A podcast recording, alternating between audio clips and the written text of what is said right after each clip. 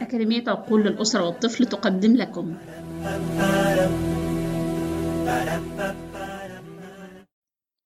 أهلا بيكم. معاكم رانيا سلطان. أنا في التسجيل اللي فات عرفتكم عن نفسي سريعا كده وفي آخر التسجيل قلت لكم إن أنا بشتغل life coach وإيه بقى هو تخصصي في ال life coaching هو ال transformational life coaching أو ال life coaching اللي بيساعدك على التغيير.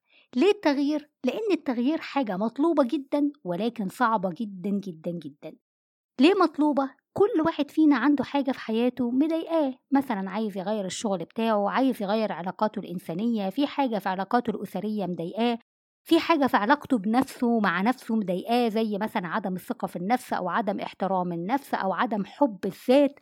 حاجات كتيرة قوي الواحد عايز يغيرها ومش عارف يغيرها إزاي. التغيير صعب ومحتاج مجهود ومحتاج تركيز عشان الواحد يقدر يغير.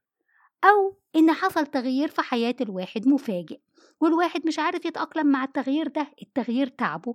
ومش عارف إن هو يجد التوازن النفسي إنه يقدر يتوائم مع التغيير. وعشان كده أنا اخترت ال life coaching اللي بيتعامل مع الأفراد اللي عايزين يغيروا حاجة في حياتهم أو يتوائموا مع التغيير.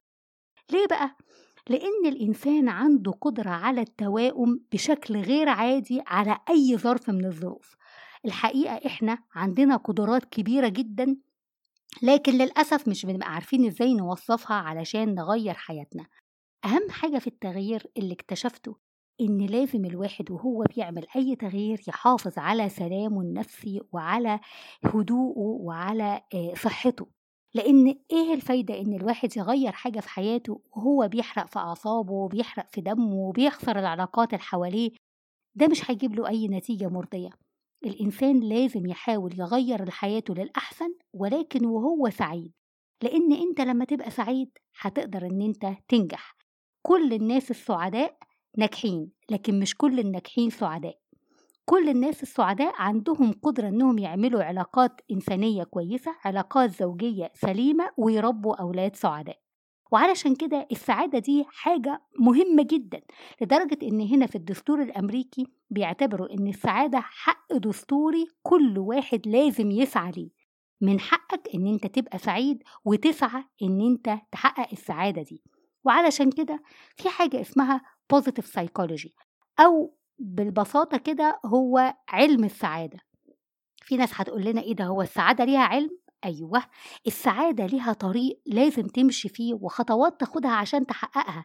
الحقيقة اللي اكتشفناه إن السعادة مش في إن أنت تشتري بيت كبير ولا إن أنت يبقى عندك ملايين ولا إن أنت تتجوز البنت اللي بتحبها لأن الناس اللي حققت الكلام ده قعدوا كام شهر ورجعوا تاني لحالتهم النفسية قبل ما يتحقق اللي هم عايزينه.